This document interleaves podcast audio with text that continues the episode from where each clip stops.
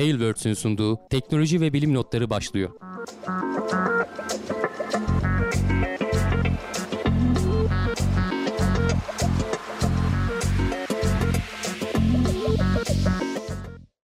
Teknoloji ve bilim notlarına hoş geldiniz. Ben Hamdi Kellecioğlu. Karşımda Volkan Ekmen var. Her hafta olduğu gibi teknoloji ve bilim dünyasından haberlerle karşınızdayız. Nasılsın Volkan? Çok iyiyim abi teşekkür ederim. Yani tam da karşında mıyım bilmiyorum ama sesimle buradayım bugün. yani evet senin e, Discord'daki avatarın var. Bir bağlantı sorunu yaşadık arkadaşlar. Hani kulis bölümünü de o yüzden e, zamanı atlamış olduk. Doğrudan yayına girmiş olduk. Volkan telefondan açtı. Çünkü internet bağlantısı e, bir türlü düzgün çalışmadı. Güzel. Evet, evet, ara ara kesildi falan. E, telefondan da hani kota fazla gitmesin diye sadece sesli olarak katıldı. O yüzden bu hafta karşımda sesli olarak Volkan var diyerek düzeltiyorum evet. ben o zaman. İdare ederiz ya problem yok. Böyle de dediklerim rahat anlaşılıyorsa yayında bir problem yoksa. Yok şu an sesim falan ee, gayet güzel geliyor. Tamam, bir sıkıntı yok güzel. gibi görünüyor. Kusura bakmasın arkadaşlar haftaya telafi ederiz diye ümit ediyorum açıkçası. İnter, internetin ee, azizliği oluyor bazen böyle şeyler. Aynen. Ee, bir seçim e, gecesini geride bıraktık ama gene buradayız, ekranlardayız. Evet evet. Yani akıl, akıllara yalnız şey gelmesin. Hani kuliste falan bazen her konudan konuşuyoruz. Seçimi atlatmak için kulisi atlatmadık. İnternet sordu ya, Yok ben, ben bayağı sıkıntı yaşıyorum şu an aslında da. Bir problem yok ya. Ee, çözeriz. Zaten sonraki kuliste gene belki üstüne biraz yorumlar yaparız da. Biz gene e, klasik gündemimizi konuşacağız. Evet. E, uzay, havacılık, e, bilim, teknoloji hepsi var gene. İlk haberimiz Türkiye'den. Bak Ahmet Şahinoğlu e, demiş ki Volkan Atina'dan bağlanıyor demiş. Hakikaten öyle bir durum var yani. evet. Uzaklardan sıkıntı yok. Ee, ilk haberimiz Türkiye'den. Ee, Ay araştırma programında kullanacak hibrit iski itki sistemine sahip e, roket uzaya gönderildi, ateşlendi diyelim daha doğrusu. Aynen. Biz şimdi dün seçimle doğru. boğuşurken e, bir grup e, bilim insanı diyelim mühendis de Sinop'tan e, bu hibrit itki sistemini atışını yapıyorlardı. Sonda roketiyle, Roketsan'ın tasarladığı sonda roketiyle bizim bu ay görevleri, ay araştırma programı, AYAP diye geçiyor kısaltılmışı. Orada dünyanın yörüngesinden alıp bizi ay yörüngesine taşıyacak galiba bu e, şey Delta V uzayın geliştirdiği e, hibrit itki sistemi. Hibrit motorlar deniyor. Hani sadece kimyasal yakıt da değil, sadece katı yakıt da değil. ikisinin karışımı daha güvenli olduğu, daha verimli olduğu söyleniyor. Hatta şöyle bir videosu da var. Onu da bir yandan oynatayım. E, gece vakti fırlatılmış. Hani çok da ayrıntılı bir şey görünmüyor ama 103 kilometre irtifaya ulaşmış. Hani 100 kilometre kabaca dünyanın e, uzaylı sınırı dersek e, o sınırın ötesine geçmişiz ve uzayda da ateşleme yapılmış. Şimdi bu e, Delta V'nin bir başka videosu var. Onu da oynatıyorum bir yandan. E, Delta V'nin bu hibrit e, motoru dünyada pek çok kez ateşlendi. Biz bunu geçmişte de konuştuğumuzu hatırlıyorum. Gene bu videoyu izletmiştik sanırım. E, bu bunun farkı uzayda ilk defa ateşlenmiş olması ve çok fazla ayrıntıya rastlayamadım ne yazık ki. Yani uzay ajansının sitesine baktım, Delta V'nin sitesine baktım. Bir tane az önce size gösterdiğim tweet'teki tek satırlık bir e, birkaç satırlık bir şey var. E, bilgi var. Onları görebildik. Yani onlar üzerinden ilerliyoruz. E, şöyle bir işte ateşlemesi var. Bunun uzayda ateşleniyor olması çok önemli. Bizim işte sonuçta dediğim gibi dünyadan bizi alıp şeye götürecek motor bu olacak e, ayın yörüngesine götürecek bu olacak. Dünyanın yörüngesine çıkarken muhtemelen işte SpaceX gibi falan bir firmayı kullanıyor olacağız. Henüz e, bu motor sonda roketiyle fırlatılmış. Hani gene kendi roketimizle Sinop'tan uzaya gönderildi ama daha büyük çaplı bir uzay aracı göndermek istediğiniz zaman o sonda roketi yeterli gelmiyor. Ee, uzaya giden de birebir bu roket mi onu da bilmiyorum. Belki bunun bir küçük çaplısı falandır. Dediğim gibi çok az bilgi var. Ee, Delta V'nin internet sitesine falan da girdim. Hibrit itki sistemi HIS diye kısaltmışlar.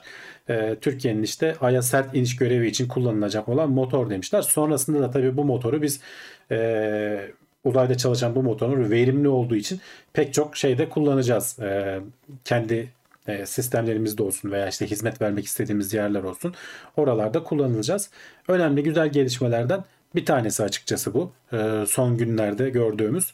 Ama tabii biraz şeye kurban gitti. Hani seçime kurban gitti. Türkiye'nin bütün gündemi oraya kaymış durumda şu anda.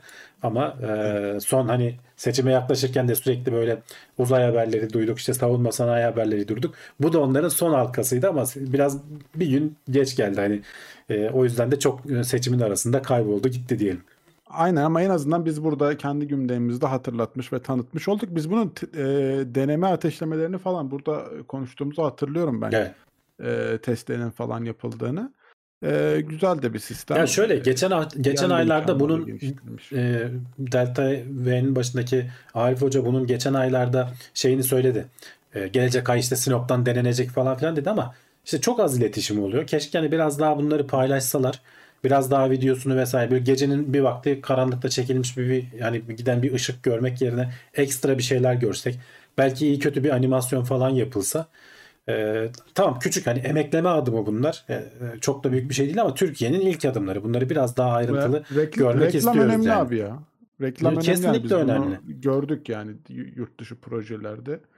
Ee, belki tanıtımı hani e, yurt dışlarına kadar gidebilecek bir proje olacak ileride Tabii. ama ya şöyle tanıtımını doğru yapmak lazım. Şimdi bu, bu bu motorun uzayda saat kazanması diyorlar. Hani uzayda bunun çalışılması.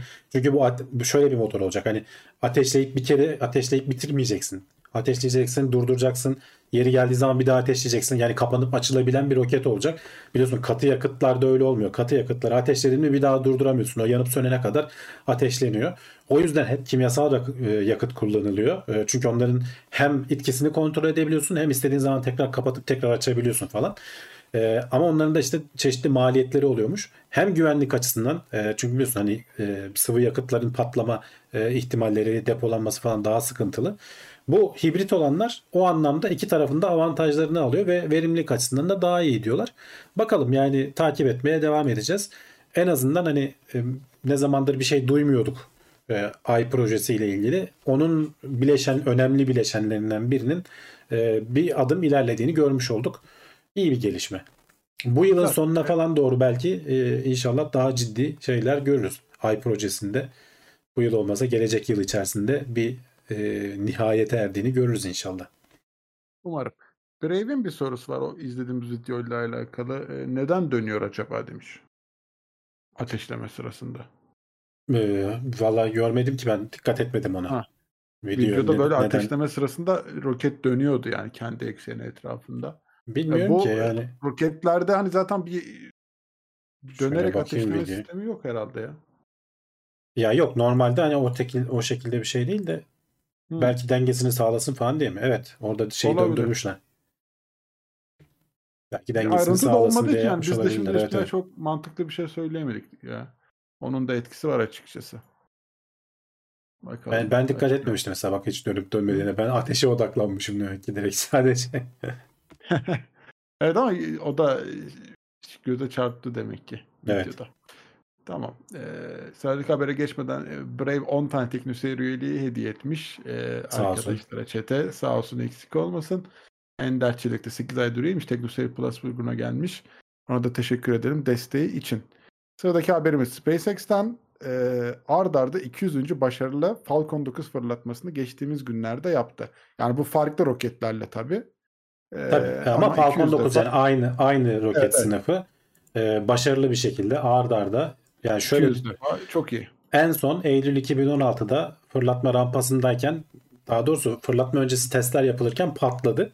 O günden beridir alet bir daha hiçbir sıkıntı yaşamadan 200 kere hatta e, o rampayı saymazsan havada patlamaları hesaplarsan 209 kere e, Falcon Heavy'yi de dahil ederek e, son derece başarılı. Yani bunu şu ana kadar e, uzay tarihinde hani bu, bu sayılara ulaşan hiçbir roket sistemi yok.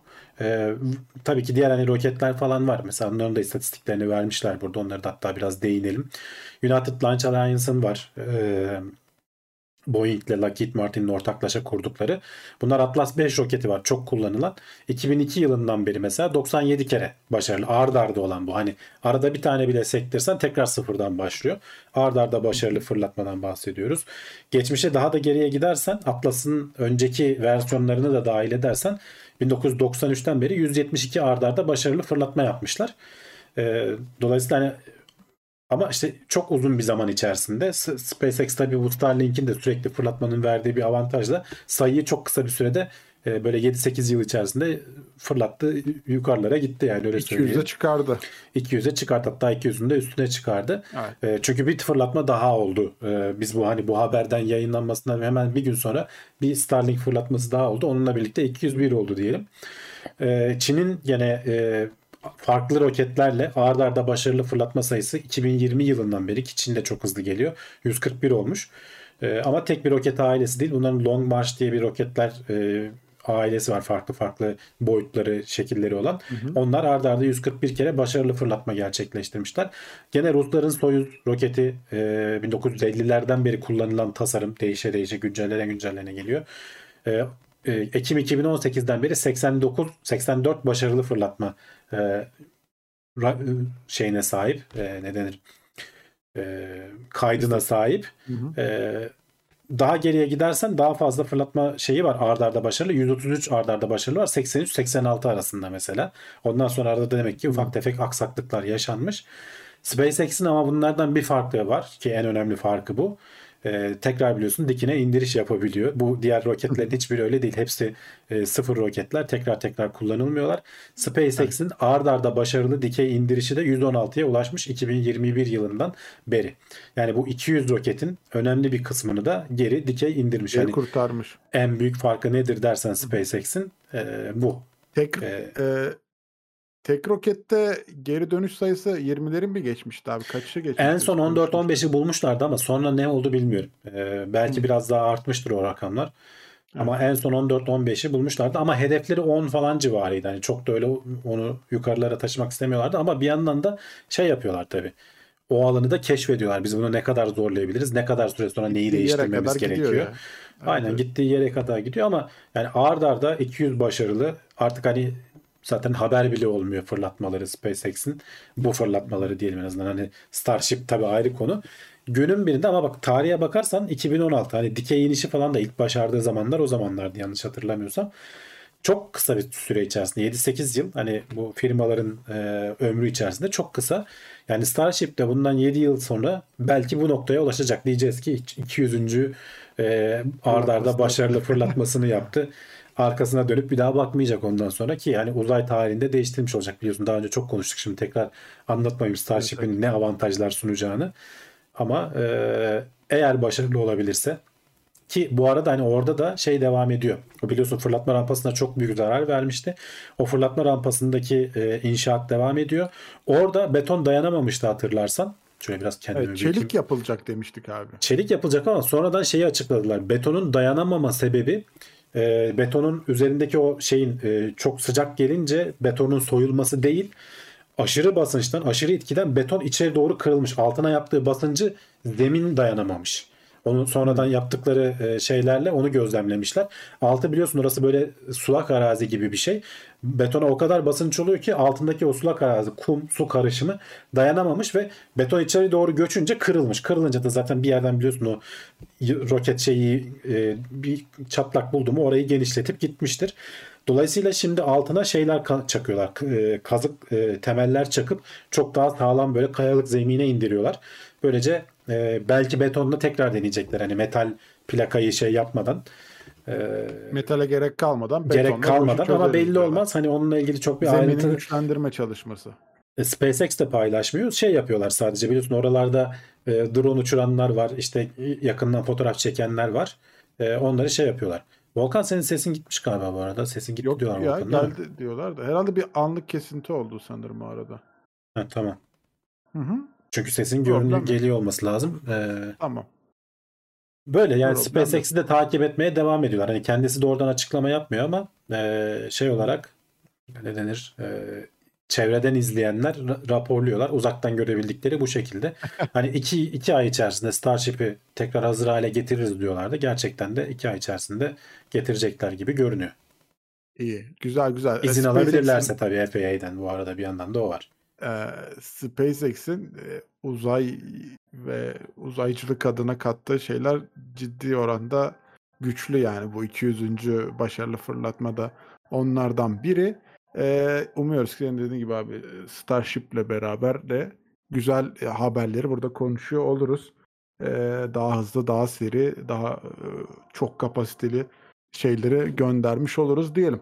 Sıradaki haber Hubble Uzay Teleskobu'ndan e, servis görevi için iki firma daha öneri sunmuş. Evet şeyi hatırlarsan e, ilk gene SpaceX'in e, bir insanlı görevi, özel görevi e, Jared Diamond mıydı? Öyle bir milyon milyarder abimiz vardı. SpaceX'ten habire görevler alıp da yanında da insanları götüren. Onun önerdiği bir görev. Biliyorsunuz e, Hubble'a bir e, bakım yapılması gerekiyor. Gitgide e, şeyi yörüngesi sönümleniyor. Gerçi hala daha çok uzun zaman var hani dünyanın yörüngesine artık çakılmasına. 2037 yılına falan hesaplanıyor. Ama o zamana kalmadan biraz bir bunun yörüngesini biz itekleyelim diyorlar. En son 2009 yılında galiba uzay mekiği son görevinde biraz daha yörüngesini yükseltti. İşte son bakımlarını yaptı. Uzay mekik, mekikleri ortadan kalktıktan beridir de Hubble tek başına e, zaten işte e, şeyleri falan bozuluyor. E, jiroskopları bozuluyor. İşte ufak ufak arıza vermeye başlıyor. Yani bir bakımdan geçmesi gerekiyor aslında. İşte bu e, SpaceX e, ve NASA e, şeyi açıklamışlardı. Geçtiğimiz Aralık ayıydı galiba. Geçen yılın sonu diye hatırlıyorum. E, bu e, biz bir hani bir karşılıklı bir anlaşmaya varır mıyız diye bir konuşuyoruz gibisinden bir duyuru yapmışlardı. Hani bir uzay anlaşması imzaladık. Ama hani bu satın alma falan, hizmet satın alma falan gibi değil. Ya acaba yapılabilir mi? Biz bunu bir keşfetmeye çalışıyoruz dediler. Sonradan da NASA ayrıca e, RFI deniyor onu. Türkçesi ne denir? İşte bilgi e, isteme gibi e, bu sektörden. Hı hı. Teklif değil, bilgi isteme. Yani biz böyle bir görev yapmayı planlıyoruz Hubble'a. Hani siz buna yanaşır mısınız? Nasıl bir sistemler e, kullanırsınız? Bizi bir bilgilendirin. Hani bize bir fikir verin gibisinden. Devlet kurumları veya işte özel kurumlar e, bu tarz böyle şeyler, duyurular yapabiliyor. Bu duyuruya cevap veren firmalar e, aslında Astroscale ve Momentus birlikte e, NASA'ya şey verdiklerini bu bu anlamda bir teklif verdiklerini e, ya da ne bileyim yol haritası sunduklarını açıkladılar. Sonradan NASA da şeyi açıkladı. Biz hani bunu halka açıklamadık. Diğer firmalar da açıklamadı ama buna benzer 8 tane daha bize teklif geldi. Hepsiyle görüşüyoruz. Sadece bu iki firma birlikte yapacaklarını açıkladılar geçmiş günlerde. Bu SpaceX'ten bağımsız dediğim gibi. Şimdi bu iki firmada e, böyle e, Astroscale kısmı galiba e, şeye e, Hubble Uzay Teleskobu'na kenetlenecek kısmı tasarlayacak. Momentus kısmı da onu böyle harekete geçirecek. İşte o roket motoru kısmını tasarlayacak ve e, burada ortaklaşa bir çözüm üretecekler. E, NASA bu işte dediğim gibi bilgileri toplayıp Sonrasında böyle bir görev yapıp yapmamaya karar verecek aslında. O zaman da işte bize tekliflerinizi sunun diye gelecekler. Ee, NASA bunun hani yapılabilir olup olmadığını şu anda anlamaya çalışıyor. Veya değer mi? Bu riski almaya değer mi? Çünkü sonuçta yakında bir uzay aracı getireceksin. Bir şekilde kontrolden çıkarsa milyarlarca dolara zamanında gönderdiğin ve kaybetmek istemediğin bir e, teleskoba zarar verebilirsin. Ee, burada özel sektörü kullan başarılı olursa sorun yok da başarısız olursa NASA niye kendi yapmadığı özel sektörü kullandı falan diye ciddi tepkiler gelebilir falan. Hani bunların hepsini değerlendiriyorlardır. Belki SpaceX'in görevi biraz daha kapsamlı. Çünkü SpaceX'in görevinde uzay yürüyüşü yapabilecek astronotlar da olacak. Hatta işte normalde kendileri uzay yürüyüşü yapıp hiçbir işe yaramayacağına bari bunun yakınına gidelim. E, bedava sizin için tamir edelim diyorlar. E, eğer öyle bir şey olursa e, ayrıntılarını konuşuruz. Başka firmalar da varmış dediğim gibi. E, yaklaşık hani bu Momentus'la Astroscale bizim e, aracımızı gidip işte bu Hubble'a kenetledikten sonra biz onun irtifasını bir 50 kilometre falan yukarı kaldırabiliriz diyorlar. Şimdi burada şeye bağlayacağım aslında biraz da. Az önce hibrit itki motorunu konuştuk. Türklerin ilk hibrit itki motoru. Şimdi burada da bak e, özel bir firma e, bunlara Space Tug diyorlar işte. Hani böyle gemileri hareket ettiren romorkörler olur ya büyük gemileri böyle limana falan sokarlar. Boğazdan geçerken falan bazen destek oluyorlar. Daha küçük daha kontrollü gemiler. Şimdi burada da e, şeylere bakım yapacak. E, ne denir? uydulara bakım yapacak veya işte böyle uzaydaki pahalı şeylere bakım yapacak bir sektör oluşuyor ufak ufak. Ve burada bizim Türk firmaları da bu hibrit itki sistemiyle veya işte e, geçenlerde e, televizyonda konuşuyordu işte bu Baykar'ın e, Fergani diye bir firma kurdular onlar. Hatta şöyle bir e, onun da bir şeyi var onu da göstereyim. E, web siteleri var oradan bakarsınız. E, yörünge transfer aracı diyorlar. Bu yörünge transfer aracında Delta V'nin motorunu kullanmayı düşünüyorlar. Az önceki o bahsettiğimiz hibrit itki sistemini kullanmayı düşünüyorlar. Şimdi bu küçük e, uydu romorkörleri diyelim, çekicileri diyelim. Sen uyduyu belli bir irtifaya gönderiyorsun. Hatta böyle toplu gönderimler oluyor. Birkaç seferdir SpaceX de bunları yapıyor. İşte 20-30 tane firma bir araya geliyor. Tek seferde büyük bir yükün yanında. Onlar da ucuza gitmiş oluyorlar ama istedikleri yörüngeye gitmeleri için bu uzay çekicilerinin onları istedikleri yörüngelere çekip götürebilmeleri gerekiyor. Burada bir sektör oluşuyor ufak ufak ve e, Baykar'da ve bizim Türkiye'deki işte Delta V gibi firmalarda buradan burada önemli bir dönüşüm söz konusu. Biz buradan ekmek yeriz diye e, düşünüyorlar açıkçası. O yüzden az önce bahsettiğim hibrit itki sisteminin hem kendi sonda roketimizle uzaya gönderilmesi hem orada ilk kez ateşlenmesi. Hatta şey diyorlar ilk defa uzayda ateşlenen bir hibrit itki sistemi diyorlar. E, bunun benzerleri varmış ama hani uzayda ateşlenen ilki. Burada hani nasıl böyle e, İHA'larda önemli bir anı yakaladık. İşte şimdi TOG'da önemli bir değişim anını yakalamaya çalışıyoruz. Uzay endüstrisinde de bu romorkerlerle, çekicilerle özel bir anı yakalama şansımız var diyorlar. Bakalım inşallah başarılı olunur. Ee, en azından hani bir vizyonları var. Onu bakalım yerine getirebilecekler mi? İnsan kaynağı olduğuna da ben eminim. Ee, Türkiye'nin yeterince yetişmiş mühendisi var. Ee, bu firmalar artık özellikle hani Baykar özelinde ellerinde para da birikti bu İHA'ların satışlarından. Ee, inşallah bakalım bu alana yatırım yaparlarsa hem e, Fergani'nin şeyleri var. Takım uydu sistemi var. Hani birlikte çalışacak uydu şeyi. İşte Türkiye'ye belki kendi GPS'ini falan sunacaklar. Lokal GPS, global değil de lokal konumlandırma sistemini sağlayacaklar belki. Atıyorum şimdi kafadan. Ee, ama bu şey çok daha ayakları yere basan bir proje. Uzay çekicisi tasarlamak çok daha ayağı yere basan bir proje gibi görünüyor. Ya çok e, güzel haberler yani hani ulaşılabilirse şayet. Çünkü bizim bu e, savunma sanayisinde kazandığımız e, itki ve konum e, gayet benim gözümde güzel bir noktada. Eğer ki biz bunu uzay ve havacılık e, sanayisinde daha da geliştirir, güzel bir noktaya getirirsek e, yani yurt dışına teknoloji satmak kadar kazançlı başka bir iş yok herhalde ya bence hani Türkiye'ye döviz de gelmesi açısından. Hani burada üretiriz, Hayır, yaparız, bu işin, ederiz. Bak uzay uzaydaki yani. ateşlediğin roketin motorundan ötesi yok işte. Hani bu hakikaten high tech yani. Hani İHA'lar evet, falan evet. da öyle de işte kendi savunma uçağımızı falan yapıyoruz. Onlar da high tech de Hani bunun bir ötesi ne dersin? Uzay uçağı. Şimdi birazdan sıradaki haber de onunla alakalı. Yani. O, o, o noktaya da gidiliyor gibi görünüyor. İnşallah başarılı olur. Bu işin hani goy goyunun falan da bir anlamı yok. Yani uzayda başarısız olursan işte kimse senin ürününe para verip almaz. Aynı şey savunma sanayi falan da öyle. Orada bir başarı yakalandı. Oradan elde edilen gelirler tekrar yatırıma çevrilip bu alanda bir ekosistem oluşturulabilirse Türkiye'de e, yani belli bir aşamaya çok kısa sürede gelinebilir gibi görünüyor. İnşallah başarılı olur. Ben, ben de öyle düşünüyorum. Yani hani şimdi gene hani Elon Musk örneği vereceğiz ama adam mesela kurduğu firmalarla birbirini besleyerek belli noktalara kadar getirdi yani elindeki hacmi. Mesela evet. biz de hani bu işte hava, savunma sanayisinden kazandığımız parayla uzaya yatırım yapar. Orada da güzel bir şirketi belli bir konuma getirebilirsek Oradan da çok güzel paralar kazanabiliriz ve bu da ülke ekonomisine katkı sağlar diye düşünüyorum. Ya şeyi Umarım yapmak lazım Volkan. Güzel olur. Hani Hı. devlet desteği mutlaka olmalı ama özel sektörün dinamizmi. Hani Amerika falan da şimdi oraya gidiyor artık. Mecburen abi. Farkındaysan NASA, evet. NASA özel firmalarla çalışıyor. Ay, uzay istasyonunda bile yani. Hani uzay istasyonu artık Hı. ömrü bitince özel firmalarla ilerleyeceğiz diyor adamlar. Çünkü daha dinamik. İşte SpaceX patlata patlata e, bir şekilde NASA'nın onda bir sürede e, şeyi yapabiliyor. Kocaman bir Starship'i ortaya çıkarabiliyor. NASA aman bir şey olmasın diye yavaş yavaş ilerliyor. Çünkü işin içinde devlet kurumu olduğu için. E, vergilerini ödedikleri insanlara hesap vermeleri gerektiği için orada her şey ağır ilerliyor. Ama özel sektör, özel firma dediğim gibi hani risk alıyor. Daha çok hani e, hataya neden oluyor ama onlardan da bir şey öğrenerek çok daha hızlı ilerleyebiliyor. Bizde de inşallah öyle bir sürecin önü açılır. Ya, özel sektörün dinamikliği çalışanının, eee, seçiminde bile etki ediyor yani. Adam orada çünkü belli bir, eee, kontrolün altında çalıştığı için, hani, bir devlet memurluğu statüsü gibi değil de belli bir kontrolün altında çalıştığı için yaptığı işte maksimum verimi vermeye çalışıyor çalışan olarak. Ona göre dinamizm içinde çalışıyor. Daha doğru kararları veriyor. Yani orada devletin yapması gereken tek şey, eee, doğru kontrolü sağlamak firma üzerinde. Yani istediği şeyleri elde edebiliyor mu? Eee, bunları firma yaptırabiliyor mu? Bunları sağlaması lazım. Yani NASA'nın zaten oradaki konumunu az evvel konuştuk. Eee, NASA kon onları kontrol ediyor. Onlara bakıyor. Onları yapıyor. Yani bizim de böyle bir Evet. dinamizmi getirmemiz katkı sağlayacaktır diye düşünüyorum açıkçası. Bak Erhan M bir soru sormuş. Eee, uzay Evet. mekiğini neden kaldırdılar? Eee, işletme maliyetinden demiş. Evet. Yani çok pahalıya mal oluyordu. Eee, yeterince hani galiba 4 tane falan vardı ondan üretilmiş e, ömürleri bittikçe devreden çıkardılar. Bazıları zaten bir tanesi galiba kendisi patladı.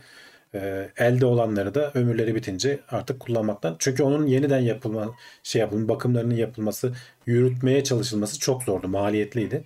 E, oradan çıktı NASA o işi, o yüzden bıraktı. Evet. Ee, Satürn kullanıcı adlı izleyicimiz yazmış. 3 yıldan beri işte sizi izliyorum. 18 yaşıma girdim. Ee, bugün yurt dışına demiş. Bilgisayar bilimi ve yapay zeka okumaya gidiyorum. Bizi bilimle buluşturduğunuz için teşekkürler demiş. Ee, sağ olsun eksik olmasın bu güzel yorumu için. Biz de bir şeyler kattıysak. Marvin o da yazdı şimdi. TeknoSeyir Plus'a üye olmuş. 7 aydır üyeymiş. Israrla ve aşkla sürdüğünüz bu gündem için minnettarız. Valla biz de teşekkür ediyoruz Sağ olsun, arkadaşlar. Sağ takip olsun, eksik için. olmasın. Güzel yorumlar her zaman teşvik edicidir. Eksik olmayın diyelim. Sıradaki haber Çin'den. Şimdi abi Çin uzundur e, gündemimize daha fazla girmeye başladı yani sen de fark etmişsindir zaten. Uzay konusunda çok ciddi atılımlar yapıyorlar. Çin'in uzay uçağı 276 gün yörüngede kaldıktan sonra başarıyla dünyaya döndü. Şimdi uzay uçağı deyince hatırlarsan hep böyle Amerika'nın bir X-37B diye gizemli uçak falan diye bizim de gündemimize birkaç kere e, konuk olan bir aracı var. Bu böyle gidiyor senelerce uzayda kalıyor. Hatta en son 900 gün mü ne kaldı yani 3 yıla yakın bir zaman uzayda kalıyor. Sonra dünyaya geri geliyor. E, görüntüleri falan da böyle hani Meki'ye benzer bir şey ama çok daha küçük çaplısı onun. Ne yaptığı da açıklanmıyor. Hani savunma sanayi ile ilgili falan bir şeyler yapıyor belli ki. E, belli bir şeyleri deniyorlar hani yörüngede. Ne yaptığı da ama açıklanmıyor. Şimdi aynısını Çinliler de yapmış. E, 276 gün hani daha uzayacaktır. Fotoğrafı falan yok bu arada. Bu ekrandaki fotoğraf gene galiba X37B'nin fotoğrafı. Çin zaten doğru düzgün bir açıklama yapmıyor. Hani normal sivil görevlerinde bile açıklama yapmıyor adamlar ki hani böyle e, savunma sanayini ilgilendirecek şeyler de hiç açıklama yapmıyor ama Amerika'nın e, gene firmaları var bu uzayı dinleyen bütün böyle oradaki hareketleri şey yapan Leo Labs firması açıklama yapmış. Diyor ki yani 3 kere 4 kere e, geçtiğimiz şeyden beri Ağustos'tan beri 3-4 kere uzayda e, şey hamlesi yaptı diyor. Küçük bir işte şeyi bırakıp ne denir e, bir yükü bırakıp sonra onu tekrar geri onunla kenetlenip alma hamlesi yaptı. Yani bir şeyleri deniyorlar, test ediyorlar e, ard arda. E, uzaya işte bunların arkası açılabiliyor gene böyle şeyin arkası şu fotoğrafa geri döneyim. Şurada hani bir yük taşıyabiliyor. E, ve bunlar hani yörüngede uzun süre kalan ve sonra da dünyaya böyle yatay uçak gibi inen aynı uzay mekiği gibi inebilen araçlar ne yaptıklarıyla ilgili çok da bir şey paylaşılmıyor ama biraz savunma sanayiyle falan alakalı olduğu e, ortada.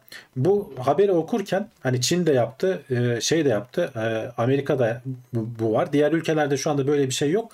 Üçüncüsü neden biz olmayalım hissi gelmedi değil bana. Bak bizim de biraz artık gözümüzü yukarı dikmeye başladık. Hatırlarsan e, şey konuşuluyor. Şimdi belgeseli falan da yayınlandı. Bu Kızıl Elma insansız savaş uçağı. Bunu dünyada yapabilen az sayıda ülke var. Hani galiba üçüncüsü falan Türkiye olacak. Şimdi uzay uçağı da böyle bir şey. Hani madem Baykar e, gözünü uzaya dikti işte firma falan kurdu. Hiç bahsetmediler. Var mıdır yok mudur bilmiyorum ama belki projelerinden biri de yarın bir gün bu olacak. Yani aynı e, Çin'in Amerika'nın yaptığını bu uzay uçağı bilmiyorum ne işimize yarar. Yani tamamen şu anda spekülatif konuşuyorum. Onların da ne işe yaradığı konusunda açıkçası hani çok bir bilgim yok ama e, iki, iki ülkede bunun peşine düştüğüne göre demek ki burada stratejik bir şey var yani. Bizden de Evet, belki birileri bunun peşine düşebilir ama burada tabii bunun ticari olup olmaması önemli. Hani buradan ticari bir kazanç sağlanabilir mi? Şimdi şeyde ticari bir kazanç var. O işte uzay çekicisi, o Space Tag dedikleri. Orada firmalara, özel firmalara bir şey satabilirsin.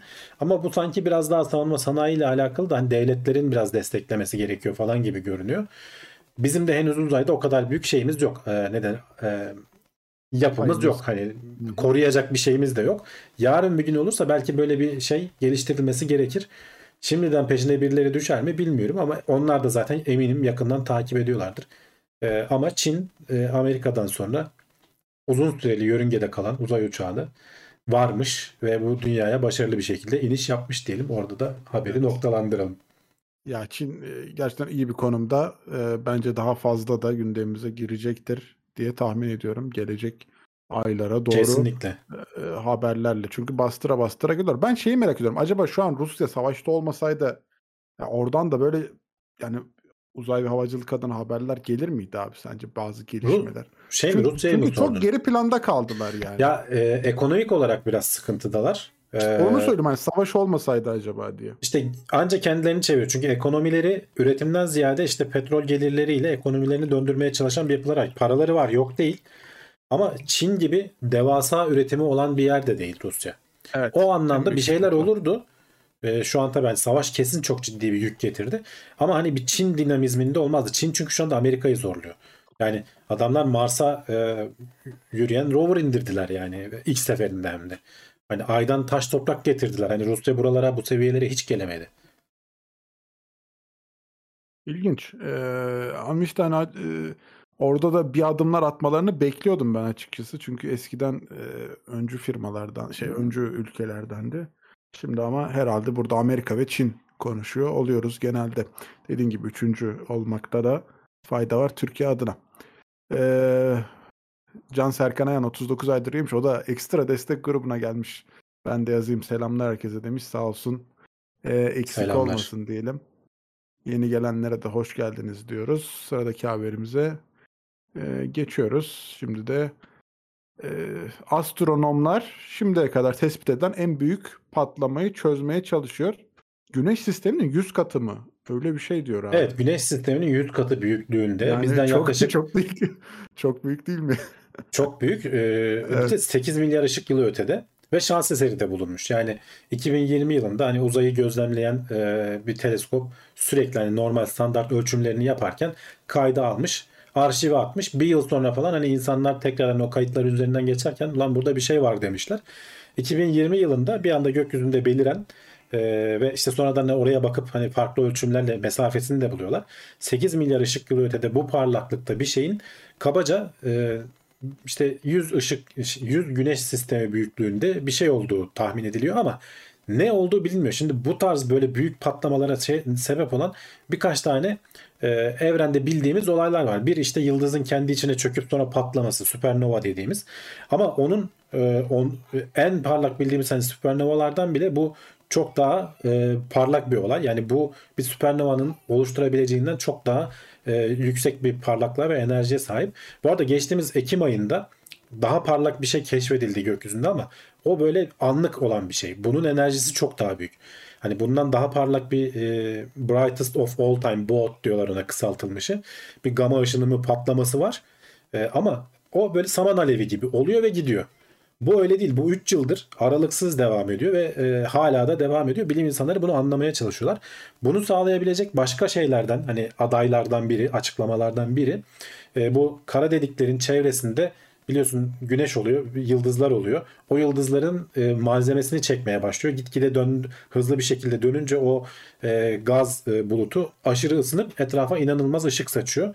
Bu olabilir diyorlar ama o da onun da normalde hani şimdiye kadar gözlemlediklerimiz e, bu büyüklükte değil. Hani ondan bu şimdiye kadar gözlemlediklerimizden 10 kat falan daha parlak bir şey.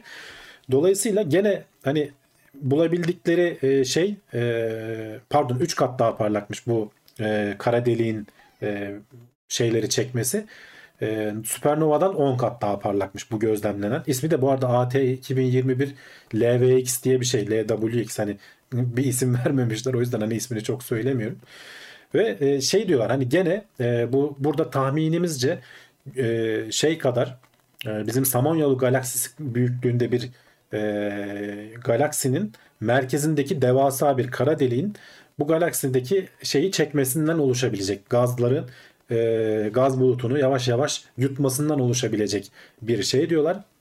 Ortaya çıkan e, parlaklık da bizim güneşimizin 2 trilyon katı falan yani acayip bir e, ışımadan bahsediyoruz burada.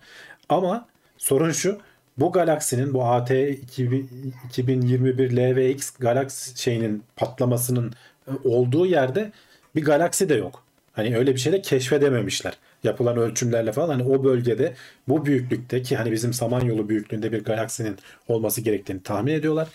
Öyle bir şey de keşfedememişler. Yani şu anda tam bir bulmaca. Ne olduğunu bilmiyorlar. Gözlemlemeye devam ediyorlar. Ee, hakikaten çok büyük bir şey. Çok büyük bir olay. Ama bizden çok uzaklardan. 8 milyar ışık yılı baya baya uzak.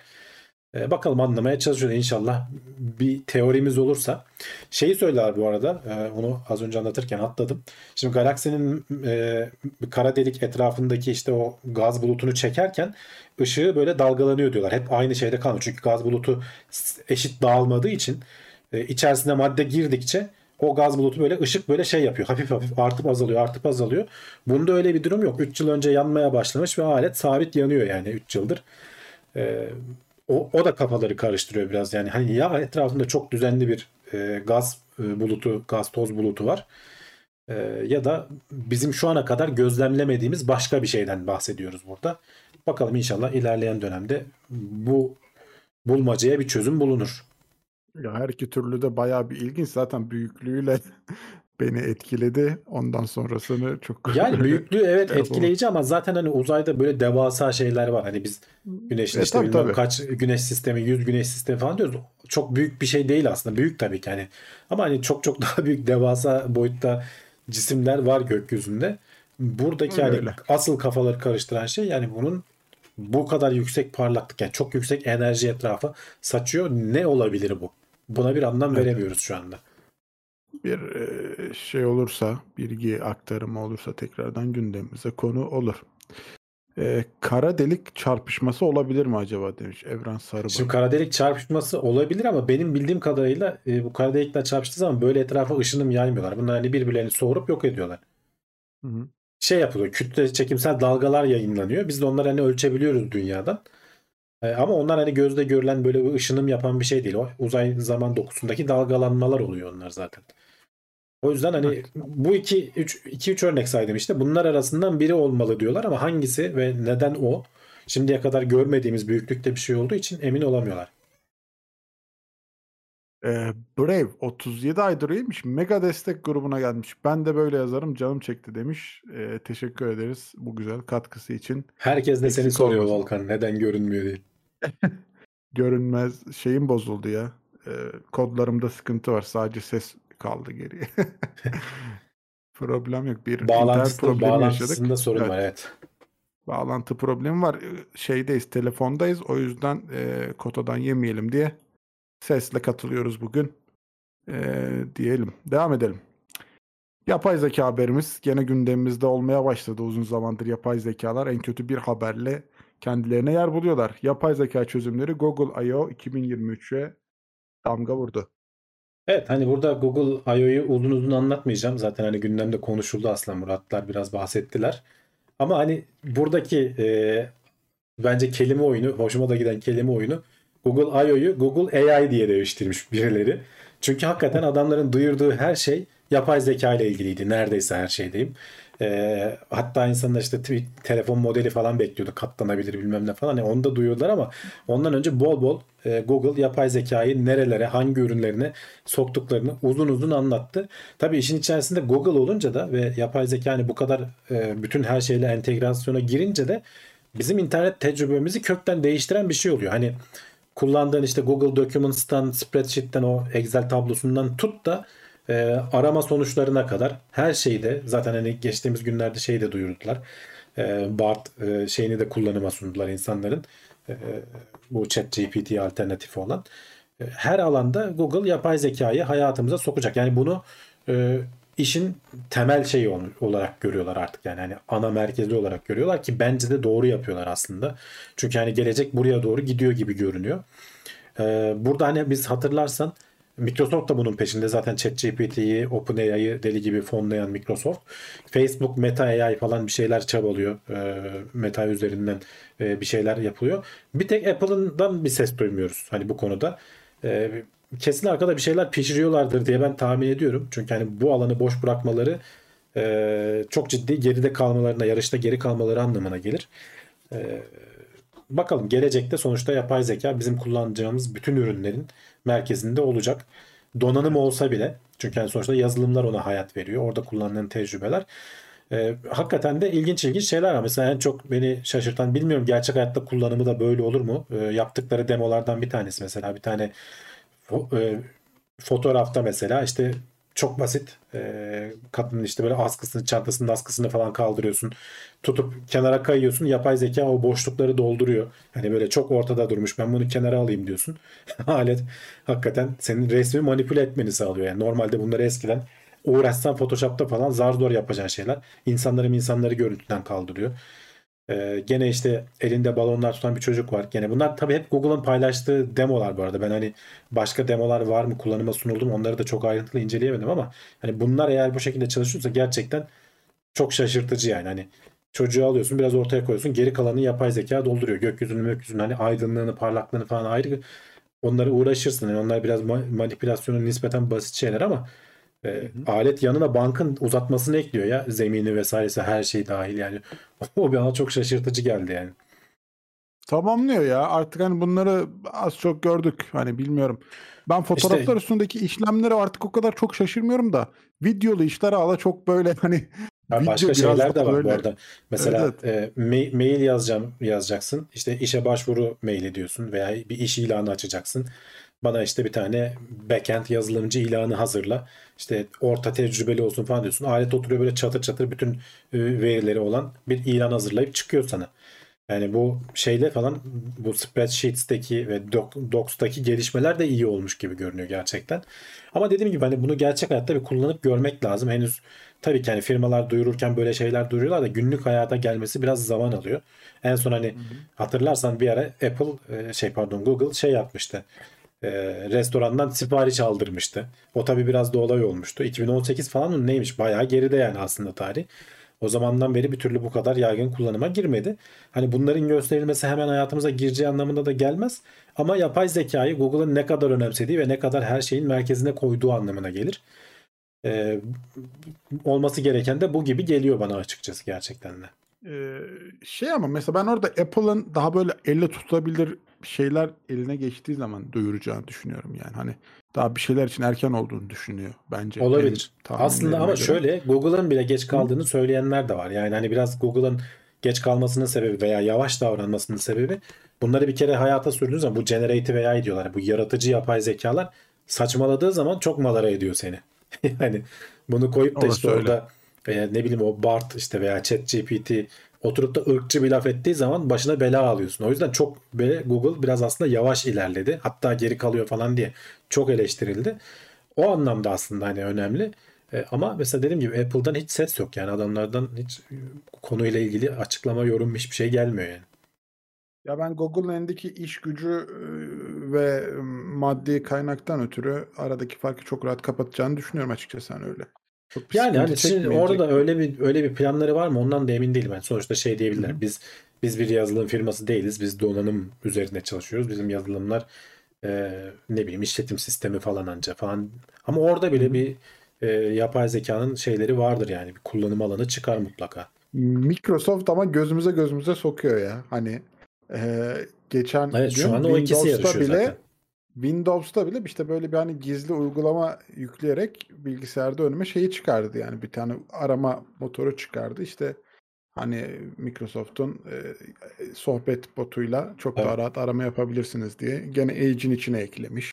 Windows'un belli noktalarını eklemiş. Telefonlarda gördüğü noktalara eklemeye çalışıyor. Gibi gibi Microsoft biraz daha hani orada ön plan çıkarmaya çalışıyor.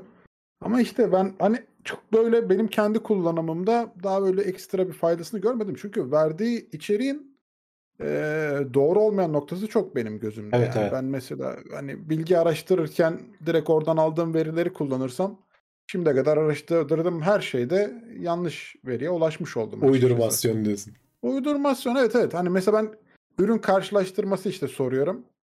Hani mesela geçen bir lazım oldu. Bir video için araştırma yapayım dedim. Acaba çok yardımcı olur mu diye. İşte mesela bir modeli belli bir e, aletin iç hacmini sordum. İnternette de çok fazla bilgisi var. Alakasız bir değer verdi bana. Yani hmm. şimdi ben hani onu bilmesem alıp o veriyi kullansam saçma salak. Yandık diyorsun rezil olacağız. Yandık yani evet. Hani o yüzden benim daha elimde tutulabilir bir bana bir katkısı olmadı. O yüzden çok bilmiyorum. Fotoğrafta ama bak, falan istersen ama işe yaradığını söyleyenler var. Sıradaki habere geç. Çünkü katkısı olanlar varmış. o sıradaki ha, haber evet, Mesela şu an direkt. çok ilginç. Mesela diyor ki bir şirket yöneticisi demiş ki yapay zeka 250 kişinin işini çok daha iyi yapıyor demiş. Evet bu İngiltere'den bir firma. E, Octopus Energy diye bir firma. E, firmanın sahibi diyor ki biz yapay zeka ile son birkaç aydır müşteri memnuniyeti anlamında hani müşterilerden gelen soruları cevaplıyoruz. Bizim buradaki bu enerji saya falan benzer. Hani ev enerjisi firması diyorlar artık. Onlara demek ki hani maillerle falan sorular geliyor. O soruları cevaplandırıyoruz ve 250 kişinin işini yapay zekaya yaptırabiliyoruz diyorlar. Artık ne kadar mail ve şey geliyorsa. Ee, ve hani birkaç aydır da ve şey işin ilginç yanı yapay zekanın cevapladığı maillerden memnuniyet, müşteri memnuniyeti %80'lerde insanların hani eğitilmiş uzmanların attığı maillerden müşteri memnuniyeti %65'lerde diyor. Yani zaten 250 kişi evet firma yöneticisi şey demiş ya bizim firmada kimse bu yüzden işten çıkarılmadı falan demiş de ulan 250 kişinin işini bir yapay zeka yani bir sonucu bir kenarda çatır çatır yapıyorsa ya sen geri kalan 250 kişiyi bedava mı besliyorsun? Yani bunu eninde sonunda hani şimdi çıkarmadıysan 6 ay sonra çıkaracaksın demektir bu. Yani biz hani konuşuyoruz bu işte e, yapay zeka işlere mal olacak bilmem ne falan diye. Şimdiden başladı yani. Özellikle de bu işte yaratıcı, generative yapay zekalar. Hani call center'lardan falan bahsetmiştik. Ee, işte bu da onun hani yazılı versiyonu e-mail ile başlamışlar. Yarın bir gün bunun sesli cevaplaması da olacak. Ee, biraz daha iyileştirildiği zaman. Özellikle de bu firmaların hani belli sorular, sık sık müşterilerden gelen belli sorular oluyorsa bunların cevaplamasında e, çok hızlı şeylerin yerini alabilir. E, çalışanların, uzmanların Ben yerini şey alabilir. ediyorum. Hani o yapılan işteki 250 kişinin işini yapıyor tamam ama bunu kodlaması için işte yani kaç kişiye ihtiyaç var? Bu altyapıyı kurmak için kaç kişiye Valla ihtiyaç şöyle var? Da söyleyeyim işte ben o- hani atıyorum ama bunu taş çatlasa 5-10 kişiyle kurarsın bu altyapıyı. Ha, güzel. 250 kişiyi de işten çıkarırsın. Evet hani Rahat. belki kurduğun kişilerin maaşı hani onlardan e, call center'da çalışanlardan yüksek olur ama her türlü kârda olsun. Çünkü bu sistem bir kere kurulur. E, Sonra bakımlarını çok daha az kişiyle yaparsın. Hani bunun güncellenmesi vesairesi Yani gerekirse. kaba hesapla işte 2500 dolar alsalar 250 kişi 625 bin dolar yapar. 125 bin dolara yerine personel alsak her ay 500 bin dolar cepte. Evet Yani iyi yani para. kesinlikle iyi para. Firmalar zaten bunun hesabını yapıyorlardı. Dediğim gibi o yüzden hani uzmanlar uyarıyor. Bu dönüşüm çok hızlı gelecek. Evet hani diyorlar başka iş kolları çıkacak bilmem ne falan diyorlar ama bazı iş kolları çok ciddi etkilenecek. Özellikle de bu işte beyaz yaka e, ve hani işler e, bu konularda etkileneceği söyleniyor. Bilmiyorum hani yaşayıp da göreceğiz biraz da. Ama şimdiden hani doğrudur herhalde yalan söylemiyordur e, gazetelere vesairelere falan çıktığına göre bu adamın açıklaması. Tabii şey yapıyorlarmış şimdilik hani deneme aşamasında oldukları için hani doğrudan yapay zekanın ürettiği maili göndermiyorlarmış. Önce bir insan okuyormuş onu. Ya işte Tamam bunda işte sorun yok derse gidiyormuş ama yarın bir gün o da çıkacak aradan yani. Ya bilemiyorum hani gelecekte işte bence şu an e, geçeceğimiz nokta orası olacak. Hani yapay zeka işte 5 kişinin işini yapacak. Senin dediğin gibi bir kişi o o işi kontrol eden kişi olacak yani. Artık herkes sadece kontrol mekanizmasına çalışıyor olacak. Ama belki ileride de işte hani ekstra bir ikinci bir kontrol AI'yı koyacaksın. Artık o kadar verin olacak geldi. o adamın da işine gerek kalmayacak yani günün sonunda. İlginç istatistikler. Yapay zeka hızlı geliyor gibi görünüyor şu an. Ee, şimdi yine ilginç bir haber ve son, son haberimiz. İşe giderken harcanan zaman sağlığınızı kötü yönden etkiliyormuş. Evet birkaç hafta önce e, Cevdet'le bir program yaparken şeyi konuşmuştuk. İşe giderken o işte geçirdiğin zaman eğer uyumuyorsan hani kafanı toplamana yarıyor işte psikolojini düzeltiyor diye bir haber şey yapmıştık. Evet. Bu haberde fiziksel olarak tam tersi etkisinde olduğunu e, bahsediyor. Şimdi 3 kilometreden ötedeyse iş yerin yani bizim İstanbul'da Ankara'da falan çok çok daha uzakta oluyor. Genelde toplu taşıma falan kullanıyorsun. Ee, burada 13 bin kişi üzerinde 16 ile 64 yaş arasında 13 bin kişi üzerinde e, İsveç'te yapılmış bir araştırma bu. 2012 ile 2018 yılları arasında yapılmış.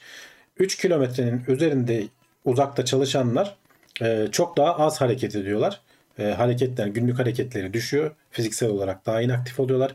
Daha kilo, aşırı kilolu olmaya meyilli oluyorlar ve e, uyku kaliteleri de daha kötü oluyor. Hatta oturdukları sosyoekonomik bölgeye göre alkol tüketimleri de daha fazla oluyormuş. Dolayısıyla hani insanlara diyorlar ki mümkünse 3 kilometrenin altında sebepleri de hani tahmin olarak yürütmüşler. Daha ayrıntılı araştırma yapmamız lazım diyorlar ama tahmini olarak söyledikleri 3 kilometrenin altında e, olan yerlerde insanlar büyük ihtimalle yürüyerek gidiyorlar veya bisiklete binerek gidiyorlar işlerine. E, toplu taşımayı veya işte araçlarını falan kullanmıyorlar. Dolayısıyla daha çok hareket etmiş oluyorlar. Bu da tabii onların işte uykularını, e, fiziksel aktivitelerine, her şeylerine yansıyor. Sosyoekonomik alana göre de dediğim gibi 3 kilometrenin uzağında olanlar e, daha çok alkol tüketimine eğilimli oluyorlarmış. Aynı şekilde iş yerlerinin yakınlarında bar falan varsa çıkışta abi bir iki kadeh içeyim falan deyip demek ki herhalde alkol tüketimi daha fazla oluyormuş. E, o yüzden hani şeyi öneriyorlar. Üç, iş yeriniz evinize nispeten yakın olsun. E, uzun, uzun mesafeler kat etmeyin. Bu yakın olmasının bir yan etkisi olarak da mümkünse iş yerine yürüyerek gidin. Hani biz de konuşuyoruz ya sporu hayatın içine entegre etmek falan diye arada söyleriz. İşte bu işe gidip gelme bir, bir çeşit spor olabilir. Eğer işte yaklaşık 3 kilometre ise e, yarım saatte falan yürünür 3 kilometre. Hani biraz böyle hızlı bir adımla. İnsanlara da bunu tavsiye ediyorlar. E, ama tabii yani. ne kadar uygulanabilir büyük şehirlerde o ayrı konu. Hani bizim buralarda benim gittiğim yer 25 kilometre mesela işe giderken. Motosikletle çok gidiyorum. Hani çok uzun sürmüyor. Yarım saatte ben gidiyorum ama arabayla en az 2 saat falan sürer o trafikle birlikte. Günlük 2 saat git gel zaten canın çıkıyor. Toplu taşımada falan da öyle. Tabii ki spor mupor yapmaya şeyin kalmaz yani. E, hevesin de kalmaz, zamanın da kalmaz.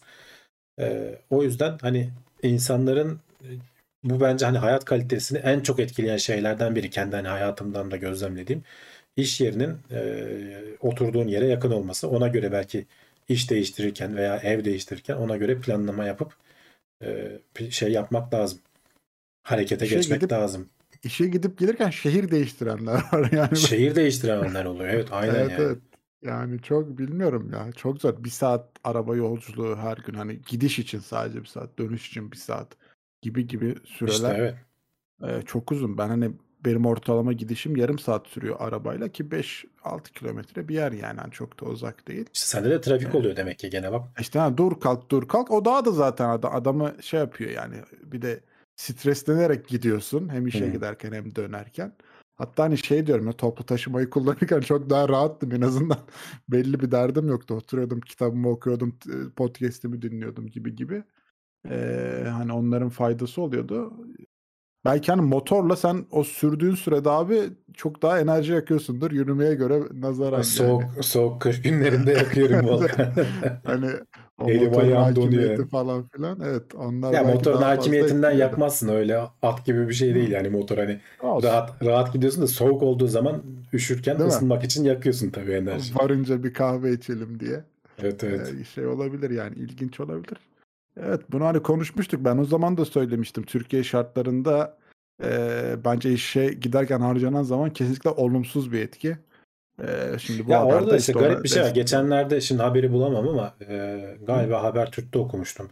Şey diyor yani Türkiye'nin e, nüfusun çok büyük bir kısmı Türkiye'nin yüzde bir mi bir buçuk mu ne alanına sığmış. Yani şehirlere o kadar ya, yığılmışız ki Türkiye'nin hani geri kalan alanlarını boş bırakmışız daha ucuza mı geliyor? Daha ekonomik olarak verimli mi oluyor? Niye böyle bir saçmalık var?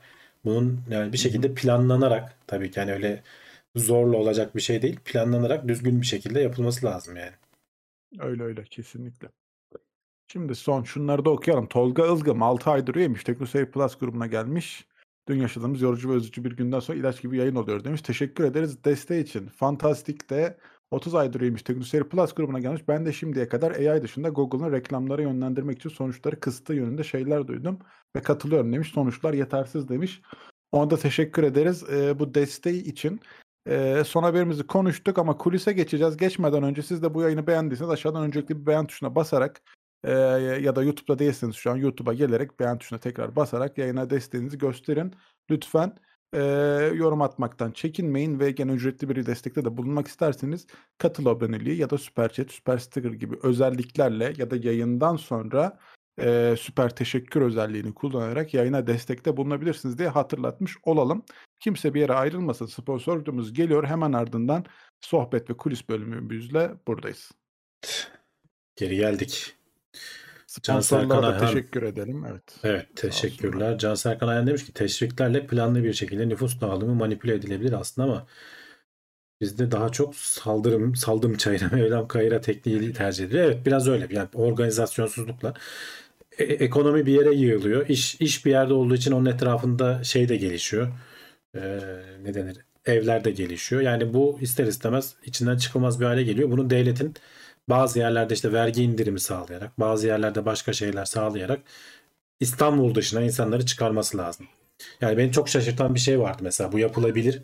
Mesela Almanya'nın nüfusu Türkiye ile aşağı yukarı aynı. Yaklaşık 80 küsür milyon işte. Ee, şeye baktığım zaman ülke, şehirlerin listelerine baktığım zaman e, adamların en kalabalık şehri 6-7 milyon. Ondan sonra ama 80 milyonu yakalamışlar. Yani bütün şehirler 4 milyon, 5 milyon, 4 milyon, 5 milyon. Bizde bir 17 milyon bir şehir var. Ondan sonra 200 bin bir şehir var. Yani böyle bir alakasız bir yığılma var bir taraflara doğru. Evet. Bunlar dengelenebilse aslında muhteşem olur. Ee, şeyler de rahat eder. Doğa da rahat eder o şehirlerin etrafında. Yani biz canını okuyoruz sonuçta 17 milyon adama bu havzadan su sağlamak için yetmiyor. Başka havzadan boru döşüyoruz. Buralara getiriyoruz falan filan. Onun tabii atıkları var bilmem nesi var falan. Halbuki bu yayılsa belki doğa da hani kendi kendini yenileyebilecek bir noktaya gelir. Ama ne yazık ki işte buna daha çok uzağız yani. Ya işte orada herhalde hani ben gene bazı yatırım planları olduğunu e, duydum ve gördüm. Yani çok hani mesela söyleniyor Doğu- yapılıyor da Volkan olmuyor işte. Doğu'da yani. mesela hani şirket kurduğunuz zaman işte hani en azından personelin işte vergi avantajları gibi gibi bir şeyler bir şeyler hani fabrikaların biraz daha oraya yönlendirilmesi adına ve kalkındırılması adına gibi projeler vardı. Ee, hani o tarafta gene tarım ve hayvancılığa da çok fazla rağbetin gösterilmesi ve desteklenmesi lazım. Çünkü genelde artık insanlar o noktayı bıraktılar. Hani tarım ve hayvancılığı bir ikinci plana attılar. Herkes büyük bir şehire geçip orada hayatını e, idame ettirmeye çalışıyor. Yeni gelen nesil ilgilenmiyor o tür şeylerle ama oradaki belki imkanlar biraz daha gelişmiş olsa adam hem hayvancılığını ve tarımını geliştirip hem de Tabii. teknolojiyle beraber hayatını idame edebilir. E, teşviklerin artması lazım. Kesinlikle. Yani bunun organize bir şekilde devlet tarafından dediğim gibi zorla olmaz bu iş. Teşviklerle falan şey yaparak, özendirerek yavaş yavaş yapacaksın. Öyle öyle. Zaten e, Ercan'ın da dediği gibi yok Can Serkan demiş. İnsanlar hayran oldukları için İstanbul'a gelmiyor. Bilakis bir yandan çok zor yaşam şartları altında pahalı olduğu için de aslında pek de istemiyorlar ama zorunda oldukları için kalıyorlar. Evet. O Altyapıyı ya. işte e, İstanbul'un sunduğu avantajları başka yerlere de genellere yaygınlaştırabilirsen aslında insanlar giderler yani buralarda da kalmazlar. Ben de dahil gitmek isterim yani Ya açıkçası. e, ama yani mesela orada bazı yanlış planlar da var. E, şey mesela hani biz İstanbul'u lojistik üstü yapacağız. İşte şey ne o para üstü yapacağız. Ha evet finans ne, merkezi şey falan. finans merkezi adı aklıma gelmedi yapacağız. Oraya dolduracağız gibi gibi yani bunların biraz daha planlanıyor olması gerekirdi benim gözümde. Hani onurda biraz yanlışlıklar var. Bence hani zaten İstanbul mesela boşaltılsa çok güzel bir turist şehri yani. Geriye kalan her şeyle beraber böyle. Komple gezmek isteyebileceğin, gidip görmek isteyebileceğin bir şehir ama hani ben İstanbul'a işte herhalde bir 3-5 ay önce falan gene çok uzun bir süreden sonra geldim. İş için geldik. Ne bu gördük, ne anladık, ne yaptık hiçbir şeyle alakalı fikrim yoktu. Yani İstanbul'un neresindeyiz, neresini görüyoruz, şu an niçin geldik, yollarda kaybolduk falan filan. Hiç keyif almadan dönmek istediğim bir şehir oldu hani günün sonunda. Ee, ama yoksa hani biraz daha boş bir şehir olsa ne güzel içinde gezilecek, görülecek ne çok mekanlar var aslında ya. Evet. Tarih kokan. Şeye de attım Volkan. Tekno Seyir'e siyasi mesaj attın mı? Ben siyasi mesaj atmıyorum abi genelde ama. Genel olarak biz. evet arkadaşlar attılar. Murat, Murat ipin ucunu saldı. Bir şey Evet. de olmadı. Fena da gitmedi aslında. İnsanlar çok da birbirine girmedi. Değil mi? Evet ama bugünden itibaren yine seçim yasakları geldi Teknoseyir için. Ya o Ee, bilmiyorum. ta ki Gel- geldi de 28'ine işte kadar. ipin ucunu kapa bir kere bıraktın mı geri kapatman zor o. Kutuyu açtırmayacaktın. Ee, Bakalım. olsun bence herkes içindeki şeyi dökmüş oldu. Konuşmak istiyordu insanlar. Hani Ya konuşulması lazım zaten. Ben mesela en başından beri TeknoSeyir'de falan da bunun serbest olmasından yanayım ama bizde biliyorsun konuşulamıyor bazı şeyler. Mutlaka bir kavgaya dönüyor, bir şey oluyor. Ee, bir ya yorum orada geliyor. moderasyonun yönetilmesi çok zor. Şimdi te- şey mesajı oldu mu, siyasi mesaj oldu mu konular bazen çok fazla olur. Onda Tabii moderasyonun yani. yapılması çok zorlaşıyor. Hayır, hem öyle hem işte herkes kendi tarafından yönetmeye çalışıyor. Evet, yani diyor ki, taraf sen bir mesajı silmezsen sen işte aynen terörist o misin silmiyorsun. oluyorsun. Silersen O de tarafın- sen işte e, ne denir faşist misin silmiyorsun Sen siliyorsun noktasına geliyor. Yani o yüzden Evet, evet. Elon Musk da hani bunun büyük çaplısını şimdi Twitter'da yaşıyor. E, ifade özgürlüğünü falan hani böyle sosyal ortamlarda sağlamak hiç kolay bir şey değil gerçekten. Ya işte onun çok sağlam arkasında duracaksın. İpin ucunu açtın mı açacaksın herkese. Herkes her şeyi rahat rahat konuşacak. Küfür hakaret ayrı tabii. Hani o suç olan şeyler tabii ki ayrımcılık vesaire falan. Hani bunlar suçsa zaten onlara izin vermezsin. Ama onun dışında o, o herkesin o çizgi hani küfür çizgisi mesela herkes için de farklı. Ne küfüre giriyor ne girmiyor. Hı hı. Mesela yani ne bileyim e, Volkan da çok ton tonmuş desen sen belki alınacaksın ondan anladın mı yani? Ya da işte Hamdi Kel desen bir kimisi ke- kimisi kel denmesinden huylanır mesela. Bunu hakaret olarak algılayabilir yani. Zor yani o yüzden bunların kararını vermek gerçekten de. Neyse insanlar biraz o gün rahatladı diye düşünüyorum ya. Ben çok öyle yani yazmayı çizmeyi sevmediğim için bu konularda. Bak Can Serkan okudum. demiş ki bu da çok zorunlu. İnsanlar hani siyaset hayatın tam göbeğinde sanki ahlaksızca bir şeymiş gibi muamelesi yapılıyor. Tartışmalarda bile siyaset yapma falan deniyor. Ya evet katılıyorum. O yüzden bence de serbest olmalı ama işte e, düzgünce biz kendimizi ifade etmekte bir de yazılı mazılı ortamlarda iyice zorlanıyoruz. Halbuki belki yan yana gelsek anlaşacağız insanlarla. Yazılı ortamda herkes bir klavye delikanlılığına kapılıyor. Sonra onu dava ed- ederken bizi de Teknoseyir'i de dava edeceğim, sizi de kapattıracağım falan diyenler çıkıyor yani. Biz bunlar geçmişte yaşandı yani, yaşanmadı değil. Ama şey yani hem e, teknoseyir üzerinde hem de Türkiye genelinde bence e, çok e, güzel bir seçim oldu ya. Hani şey açısından hani Orası kesin. insanların Orası insanların kesin. dediği kadar bir kaos, bir bilmem ne bir Va- şey ben açıkçası çekiniyordum yani. Volkan yani hani Hı. o kadar gergindi ki Evet, s- evet. sorunlar çıkacak diye ama çok böyle tertemiz. Yani bu hakikaten dünyada da bunu yapan yapabilen devlet sayısı az. Yani şöyle düşün. 55-60 milyon kişi gitti Türkiye çapında sandıklara bir araya geldiler bir şekilde yani üst üste zamanları denk geldi. Bu sandıklara atılan oylar sonradan sayıldı. İtirazlar oldu, değerlendirildi, bir şeyler oldu ve bir sonuca ulaşıldı yani. Bu Evet, evet. bu çok önemli bir şey. Bunu herkes her yer başaramıyor. Bunun değerini bilmemiz lazım. Sonuçları beğenirsin, beğenmezsin o ayrı konu. Ama Evet, bunu tabii, ona başlı başına bu kendisi çok önemli bir şey. Yani ben gayet hani şey oldum ya hani, yani, hani niye hiçbir şey olmuyor, niye kimse bağırmıyor, çağırmıyor. Niye bir Türkiye değil mi burası diye. Hani bir anda bir şaşırdım ama gayet yani dediğim Ya gibi yok aslında hani biz bu işi öğrenmişiz hani eskiden beri. Ee, ta Osmanlı'da hani ilk denemeleri var. 1950'den beri de düzgün düzgün. Şey de ilginç mesela garip bir de ülkeyiz. Hani askeri şey geliyor, ihtilal oluyor ülkede. Hı hı. 5-6 sene sonra askerler sivillere bırakıp geri gidiyor. Ya bunun da örneği çok fazla yok dünyada yani. Bilmiyorum benim aklıma gelen ülke de yok yani. yani ben, hem de üç kere oluyor bu. Öyle bir, bir, bir kere de değil yani. Üç kere falan tekrar eden bir süreç bu. Ee, Hakikaten garip bir yerdeyiz. Garip bir devletiz yani o anlamda. İyi İyi, anlamda güzel ya. söylüyorum. Hani bunu da hakaret İkinci- algılamasından. İkinci turda umuyorum ki işte herkes hani e, tuttuğu tarafı desteklemeye devam edecektir tabii ki ama e, güzel bir seçim meydana gelir. En azından e, halkın istediği olmuş olur yani orada da Evet, sonuçta. Çok da başa baş hani ben o çok ilgincime gitti. Hani böyle Ya bizim- ucunda Burada sıkıntımız şu oluyor Volkan. Yani seçim bizde çok ön plan. Çünkü çözmemiz gereken benim hani gördüğüm en büyük eksiklerden biri ülkedeki hani bu demokrasi anlayışından diyelim.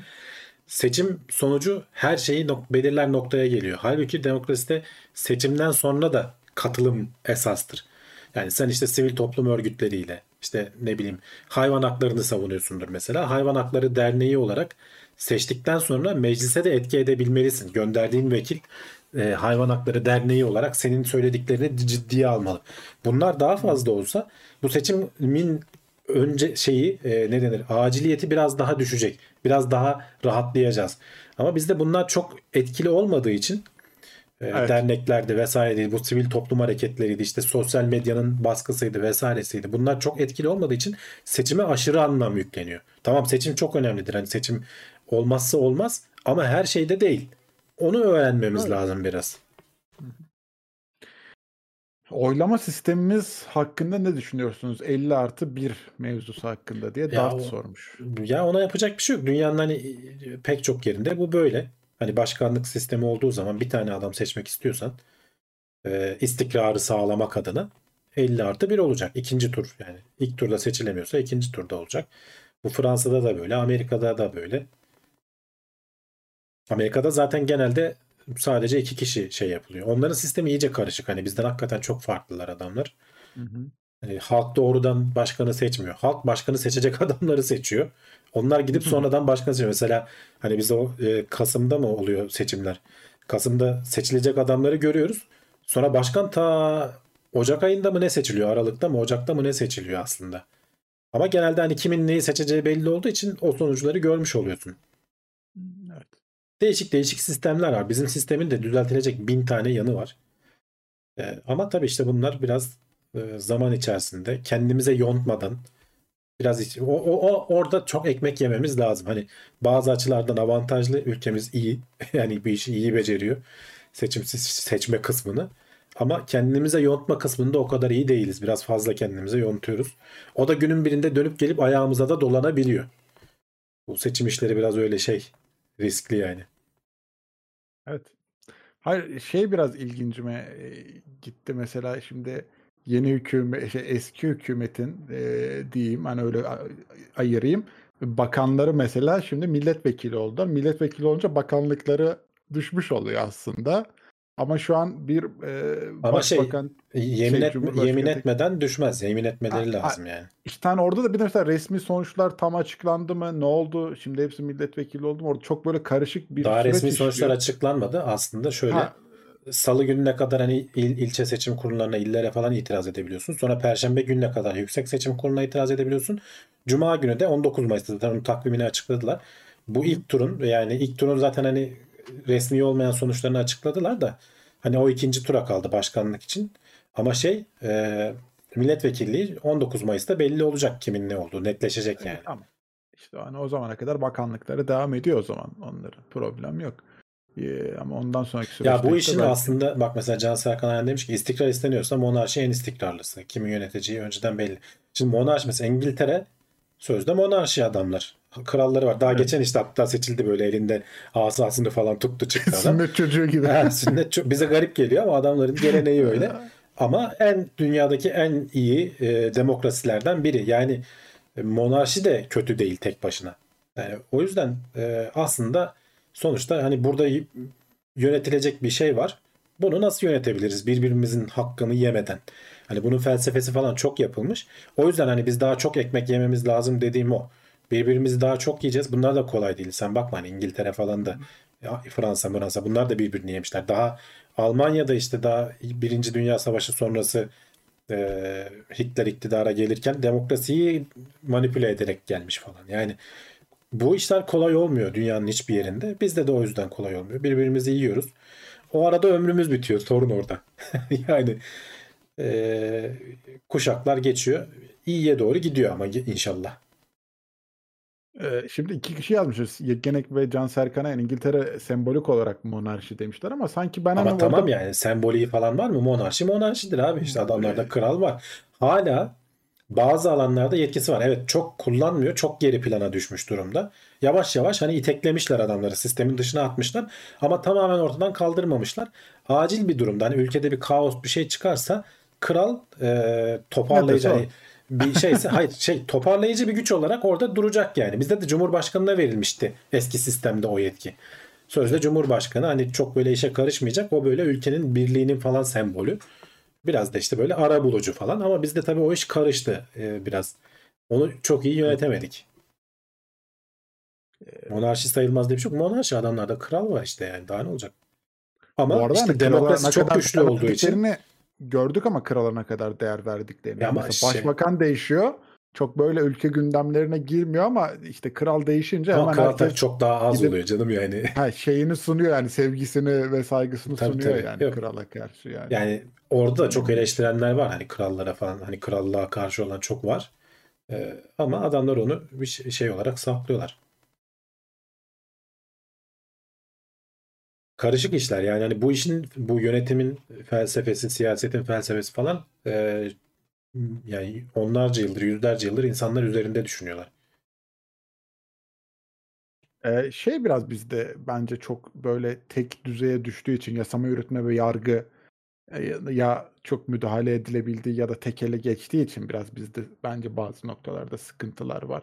Yoksa geri kalan noktalarda halkın seçtiği kişi başta, halkın seçtiği parti başta ve onlar karar veriyor ama işte onları denetleyecek sistemler de halkın seçtiği kişinin elinden çıktığı için biraz orada sıkıntılar var. Bilmiyorum hani oralarda biraz daha böyle her partinin temsilcileriyle beraber bir denetleme ekipleri bir şeyler olsa belki farklı bir şeyler olabilir de hani ben o kadar siyasi şeye hakim değilim. Hı hı. Sadece kendi gözlemim bunların biraz tek ele geçtiğinden kaynaklı sıkıntılar yaşadığımız. Bak Dart yazmış İngiltere gerçek anlamda mutlak monarşi değildir. E tabii ki biz de zaten mutlak monarşi demedik. Hani bizdeki de bizde de Osmanlı'nın son zamanlarında nasıl parlamento açılmış, meşrutiyete geçilmiş. Meşruti monarşi deniyor ona. İngiltere'de de o şekilde evet. Yani bir parlamento var. E, başbakan var asıl yürütmeyi yapan. E, ama başbakan da arada sürekli gidip kralı bilgilendiriyor. Bizde de işte aynı Cumhurbaşkanı o şekilde olacaktı eski sistemde. Sonra işte bu yeni partilerin önerdiği e, şey de oydu. E, parlamenter sistem, güçlendirilmiş parlamenter sistem de oydu. Cumhurbaşkanı karışmaz. Hani biraz böyle törensel yetkileri vardır. Ama ülkenin varlığını, bütünlüğünü temsil eder. Hani bir temsili yetkisi vardır. E, başbakana falan hani görevi o verir. Burada kralda da öyle mesela. Başbakan değişeceği zaman önce krala gidiyor veya kraliçeye gidiyor işte İngiltere'de zamanında. Ondan yetkiyi alıyor. Onlar tabii ki işin gösterişi. Vermiyorum diyemez yani kraliçe ama zor durumda da dengeleri değiştirebilecek bir mekanizma aslında olarak duruyor orada. Kimseye zararı yok diye. Öyle. Evet, Ercan- Teknolojik olarak bir manipülasyon Evet. mümkün mü demişler. Ercan da bize güneş gözlüğümü göndermiş. Sağ olsun. Bir sterlinlik desteği için Evet. teşekkür ederiz. Mona, monarşiden konuştuk. İngiltere'de olduğunu Tek- belli. teknolojik olarak manipülasyon mümkün mü? Ne seçim sonuçlarından mı bahsediyorsun? Bunu ama Amerika'da zaten getirdiler yani Rusya'nın müdahalesi Amerika- oldu diye. E tabii işte teknolojik olarak manipülasyon şu anda yapılabilecek kamuoyunu yönlendirme. Hani sosyal medyayı falan manipüle edebilirsin. Onun dışında oy sayma vesaire bizde çok şey dönüyor, fiziksel Manuel dönüyor. Yani ıslak imza ile falan dönüyor. Onu teknolojik olarak manipüle edemezsin. Hatta Amerika'da oy verme makineleri falan vardı. Onlarda bir bug bug bulunmuş. Hani orada bir bayağı bir alengirli bir şeyler dönmüş zamanında. Bu yakın zamanda olan bir şey değil. Daha da geriye giden bir zamanda. Ee, ama işte çok da açık etmediler ortalığa. Çok da bir şeyler dökülmedi. Yani işin içine teknoloji girdiği zaman manipülasyon olma ihtimali yüksek. Geçen hafta mı konuşmuştuk bunu işte. Hem oy anonim olacak. Kimin kime ne ver- verdiği belli olmayacak. Hem de kimin oy verdiği belli olacak. Bunu işte teknolojik olarak işte böyle blockchain'le falan sağlamak mümkün olabilir. Ama insanlara onu güvendirmek çok zor. Yani bu sistemde insan biliyor. Her e, köydeki dayı amca da biliyor. Yaşlı teyze de biliyor. Gidiyorsun işte o sandığa atıyorsun. O sandığın başında da görevliler var. O sandık mühürlü falan. Böyle açamıyorsun, değiştiremiyorsun falan. Ki orada bile bir manipülasyonlar yapılabiliyor. Bunu sen elektronik ortamda hiçbir şey yapmasan da anlatamazsın kimseye derdini. Rıza göstermesi önemli insanların sisteme. Çünkü sonuçta razı oluyorsun karşıdaki adamın senin adına bazı kararlar almasına rıza gösteriyorsun. Öyle.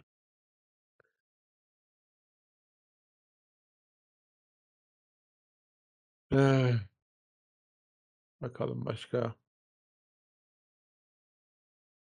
Şimdi iktidar sahipleri tabii ki şeyi söyler.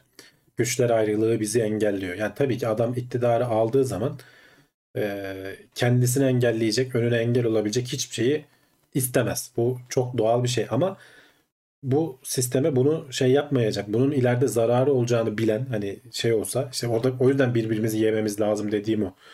Bunu bir yerden sonra yiyeceğiz yiyeceğiz. Bir onlar gelecek yiyecek. Biz bir bunlar gelecek. Birbirimizi yiyecek. En sonunda diyeceğiz ki ulan bu böyle olmuyor. Efendi gibi biz anlaşalım. Hani sen de birbirimizi yeme, seni de kontrol eden bir şey olsun. Ben gelirsem beni de kontrol eden bir şey olsun. Amerika'da, İngiltere'de sistem böyle tasarlanmış. Bizde de günün birinde inşallah buraya doğru gider, evrilir diye umuyorum. Olmaya da bilir tabii. Hani beklentimiz o yönde ama daha kötüye gitmesin inşallah. Yoksa gücü eline alan adam iyi niyetle de yaptığını düşünür. Hani atıyorum bizde mesela çok konuşulan bir şey. Kanal İstanbul projesi. Şimdi ona sorsan çok önemli bir şey. Yönetimdeki kesi- kesim bunun ne kadar iyi olduğunu sana anlatıyor. Belki de gerçekten inanıyor buna.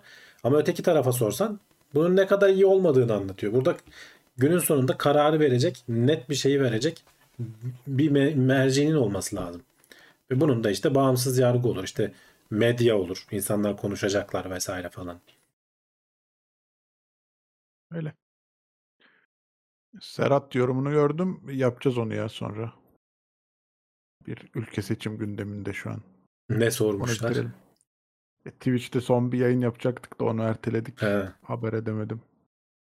Yapacağız onu sonra. Sandıktaki yaştan halini görünce kesinlikle 65 yaş üstü oy kullanmamalı demiş Kalkulüs. Ama işte orada çizgiyi nereden çekeceksin? Yani 65 yaşında olup da e, zehir gibi olan Adam- adamlar da var abi yani. Mesela şey var 69 ve 74 yaşındaki insanlar aday mesela. Hani o da var. Ha, yani düşün. Sen seçmen olma diyorsun. Adamlar da o, Şimdi hani seçilen adamlar o yaşta yani. hani biz 74 yaşındaki adamın başa gelip gelmeyeceğini tartıştık mesela. Doğru yani. söyledin. Hani o açıdan bakarsan. Hepsini ayıramayız. Ya Biden adam iyice kafada gitti yani. Havayla falan tokalaşıyor ama işte Amerikan başkanı yani. ya, ya bu ya ben zaten hani belli bir yaşın üstünün hani aday bile olmasını taraftarı değilim de. E, ama işte Türkiye'de onu yapamıyorsun ya. İşte hiçbir yerde Bazı- yapamıyorsun ki. Nereden çekeceksin? Sınırı çekmek çok zor. İşte hani 18 Çok, yaş bile rastgele bir yaş. Hani o belirlenmiş öyle gidiyor. Niye 17 değil? Niye 19 değil? Bazı ülkelerde zaten hani 20-21 falan da oluyor.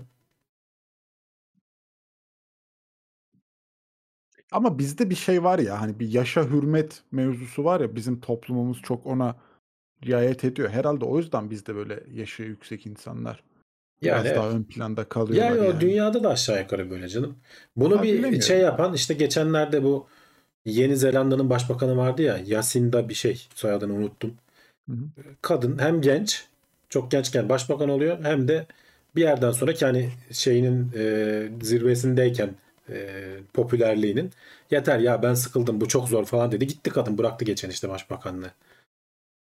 böyle insanlar da var böyle ülkeler de var yani. Ya Bir de belli bir tecrübe seviyesine ulaşmak için yani bir yaş lazım.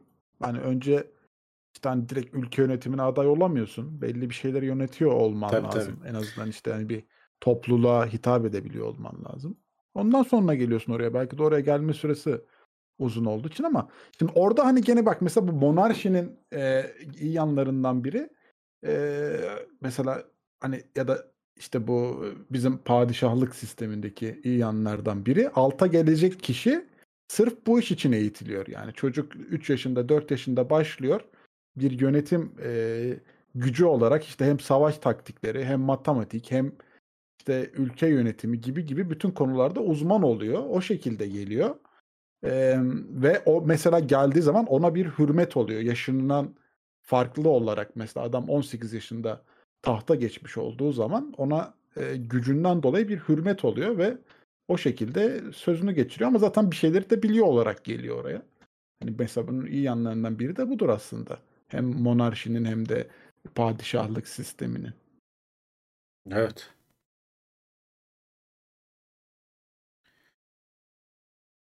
Vallahi hiç izlemedim ama sadece kendi Diriliş Ertuğrul'dur izlemiyorum yani ama kendi fikrim o yönde yani. Çünkü alta ittiğin kişiyi belli bir noktaya doğru ittiğin için belli bir bilgi birikimine sahip olduğunu düşünüyorum açıkçası. Tarafsız bir yapay zeka yöneticisi olsun. Hatta adını da Platon'dan alıntı yapalım. Filozof kral olsun demiş Harun Zontun. Yani ileride belki olacak. Oraya doğru gidecek. İnsanlardan daha iyi yönetecek. Ama şu an için öyle değil.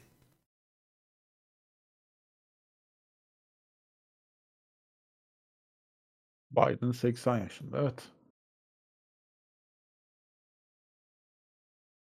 Ya işte 50 60 60 en fazla olmalı bence. Onun da üstüne çıkmamalı. 50'lerde falan olsa iyi olur. 40 40'larda da olur.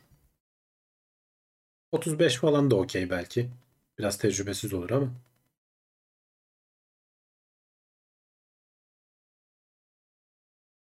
Ve çok genç bir yaş geldi gözüme yani.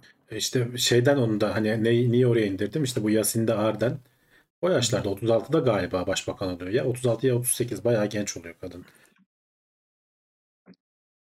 Sonra da lan yeter ben ben mi uğraşacağım bu alemin dertleriyle deyip E, tamam doğru demiş. Ya bizde de tam tersi abi. Düşünsene işte bir gelen gitmek bilmiyor. Hani 20 tane seçim kaybetten de adam hala yapışıyor bir şekilde orada duruyor.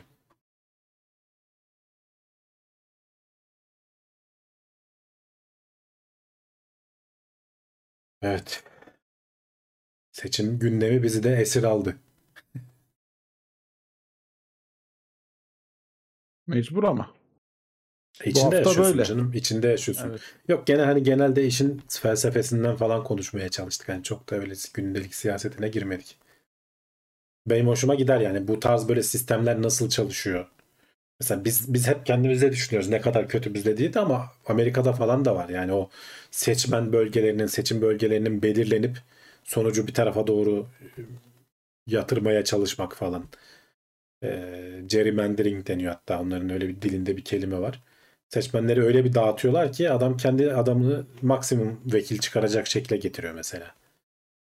Bizde de olmuyor mu? Bizde de oluyor. Hani bu dünyada olan bir şey.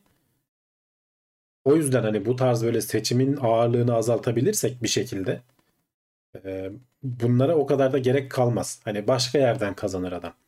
Seç, seçimi kaybetse bile atıyorum e, taksiciler odası üzerinden etkisi olur. Hayvanseverler derneği üzerinden etkisi olur. E, sanayi odasıyla etkisi olur falan filan. Yani. Allah Gürkan ben senin kadar hakim değilim konulara ya. Hani sadece kendi görüşümü söyledim. Doğrudur belki. Bilemiyorum. Filozoflar siyasetçi olsun daha iyi olur dünya. Vallahi belli de olmaz. yani Ben şeye katılıyorum ama hani ülke yönetmek bir gönül işi. Hani bu hani buna mecbur yani birileri neden ülkeyi yönetiyor? Murat, Murat'ın şeyi var ya bir poster yapmışlar abinin Murat. Şey değil mi? Evet. poster. Gönül işi diye. Gönül işi abi mecbur yani öyle olması lazım. Çünkü niye ki bu stresi çeksin biri bilmiyorum. Tabii tabii canım çok acayip bir şey. Yani ben politikacıları, siyasetçileri hakikaten ayrı bir şey olarak Para- görüyorum. parası için yapılacak bir şeye benzemiyor. Gözümde Yok yok parası parası için değil de daha çok herhalde o bir şekil sosyal tatmin oluyorsun yani o o kadar insanla insana başkanım demesi bir de politik partilerde o vardır. Başkanım diye gezerler. Herkes bir şeyin başkanıdır. Değil mi? O hoşuna gidiyor demek ki başkanım başkanım diye gezmeleri insanların. O güç hissi. Şeyi izlemediyseniz izleyin arkadaşlar. Çok tavsiye ederim. House of Cards hakikaten çok güzel dizidir. Orada e, Kevin Spacey abimizi sonradan yediler adamın e, hakkındaki iddialarla son sezon gelmedi ama ilk 5-6 sezonu House of Cards'ın çok iyidir yani. Neler yapılabildiğini, politikanın nasıl pis bir iş olduğunu, nasıl işlerin döndüğünü Amerika özelinde görüyorsun. Arada dönüp böyle onun attığı tiratlar vardır böyle kameraya konuşur. Çok böyle güzel göndermeleri vardır. Böyle tüylerim diken diken olduğu sahneler falan hatırlıyorum ben. O an nasıl yapmışlar, nasıl çekmişler bunu falan diye. İzlemeyenlere kesinlikle tavsiye ederim.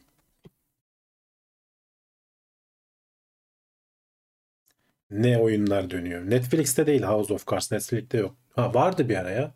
Sonradan kalktı ama sonra geri geldi mi bilmiyorum. Aratın. House of Cards.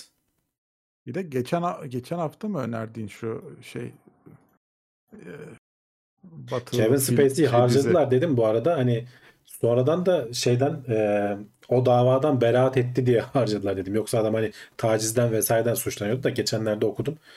E, o iddialarda ispatlanamamış yani adam e, gözden düştüğüyle kaldı. Ne? Sen bir şey soruyordun Volkan. Bir daha sor. Western dizisi önermiştin ya geçen hafta bir tane gene. Ha, o da ben bir bakayım dedim de bir vakit bulamadım.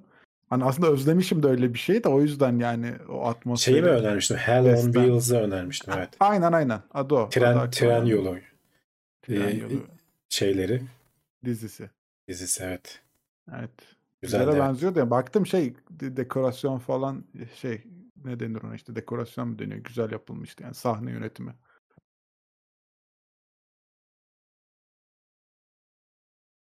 Evet. Bayağı konuştuk gene ya. şeyde haberler Evet. derken bitince. Haftaya bakalım gündeme neler girecek neler girmeyecek. Ee, bizim internetimiz bakayım herhalde düzelmiştir belki de ama artık, Artık böyle bit- bitirdik. bitti yayıncının haftaya inşallah düze- düzgün olur Aynen. internetin. Haftaya yüz görümlülüğü Volkan yüz görünümlü istedi çıkmadı Yüz arkadaşlar. At, atın 3-5 bir şey. 3-5 bir şey sıkıştırın oraya yoksa gelmem deyip Evet. kimse atmıyormuş istemiyor beni. O zaman haftaya görüşürüz diyelim. Gidiyoruz mu? Gidelim. Bitti mi? Siyaseti de konuştuk bol bol. Evet. Oh be ne güzel bak burada anlattık derdim. Yazmıyorum çizmiyorum dedim ama nasıl konuştum? Değil mi? şey laf, laf geldim de esirgemiyorum. Konuşuyorum siyaset üstüne ya. Ama zaten biz şey çünkü şöyle mesela bizim şirkette çok böyle şey olduğu için siyasi tartışmamız bol olduğu için Hı. sonuçta hani seçim gösteriyor ki her iki kişiden biri bir tarafa oy veriyor yani. Evet yani. O yüzden her yerde var siyaset. Ee, bizim de şirketimizde. Ya işte bunu rahat konuşabilmemiz lazım. Hani hayatın içinde olan bir şey. Rahat konuşabilmemiz lazım. Şeye açık olmamız lazım. Önce herkes hani başkasına söylemeden önce senin düşündüğün hani o duygu yoğundu. Mesela şimdi seçimi kaybeden arkadaşlar görüyorum. Üzüntülerini yazıyorlar falan. Tekno Seyir'deki akışta çok daha ağır şekilde ifade edenler var. Senin yaşadığın bu duygu yoğunluğunu karşı taraftaki adam da başka türlü sana karşı yaşayabiliyor. Yani bu empatiyi Evet. yapabilmen lazım. Onların üzüldüğü mevzu başka oluyor. Senin üzüldüğün böyle kafaya tok, taktığın ve çok önemli gördüğün mevzu başka oluyor. Bunu şey yapman lazım. Hazmedebilmen lazım yani. Ya o Öyle da, öyle. o da onun için önemli. Yani oturalım konuşalım birbirimizi ikna edelim veya edemiyorsak da tamam abi sen ona ver ben de buna vereyim diyebilecek noktaya gelmemiz lazım. İşte orada biraz böyle şeyi Akdeniz toplumu olmak mı artık nedir bilmiyorum hani biraz heyecanımız fazla kaçıyor birbirimizi üzüyoruz yani. E, gerek de yok yani bunu artık yine burada söylemeye lüzum da yok ama e, kırmayacak herkes birbirini ama herhalde biraz da o şeyden kaynaklı oldu bence. O stresin atılması işte herkes zaten birbiriyle konuştu konuştu. Seçim sonrasında böyle çok stresli bir ortam kalmadı. Hani o ilk başta Ya konuştuğumuz. bence sonuç çok belirgin oldu da o yüzden. Yani biraz Olabilir. daha böyle riskli olsaydı daha biz o gerginliği Herkes- yaşardık yani. Kalır mıydı? Hala tabii sonuçlanmadı. Ne olacağı belli olmaz da hani çok artık insanların hani bir heyecanı kalmadı yani. E, tamam işte bir iki hafta sonra tekrar buluşalım. E, gene Tekno Seyir'de açılacakmış. şeyler. Buradayız evet. iki hafta Ee, sonra da bir hafta sonra yazı- da buradayız şimdilik. yazılar açılacakmış TeknoSeyir'de iki hafta sonra. Yine yazmak isteyenler gelsinler oraya. E, orada dillerini döksünler diyelim. Ya kavga Ee, etmiyorlarsa, düzgün devam edebiliyorlarsa bence açık olmalı zaten. Dediğim gibi en baştan da onu söyledim ama hı. bakalım göreceğiz. Evet. Haftaya görüşürüz. Kendinize iyi bakın. E, hoşça kalın. Hoşçakalın arkadaşlar.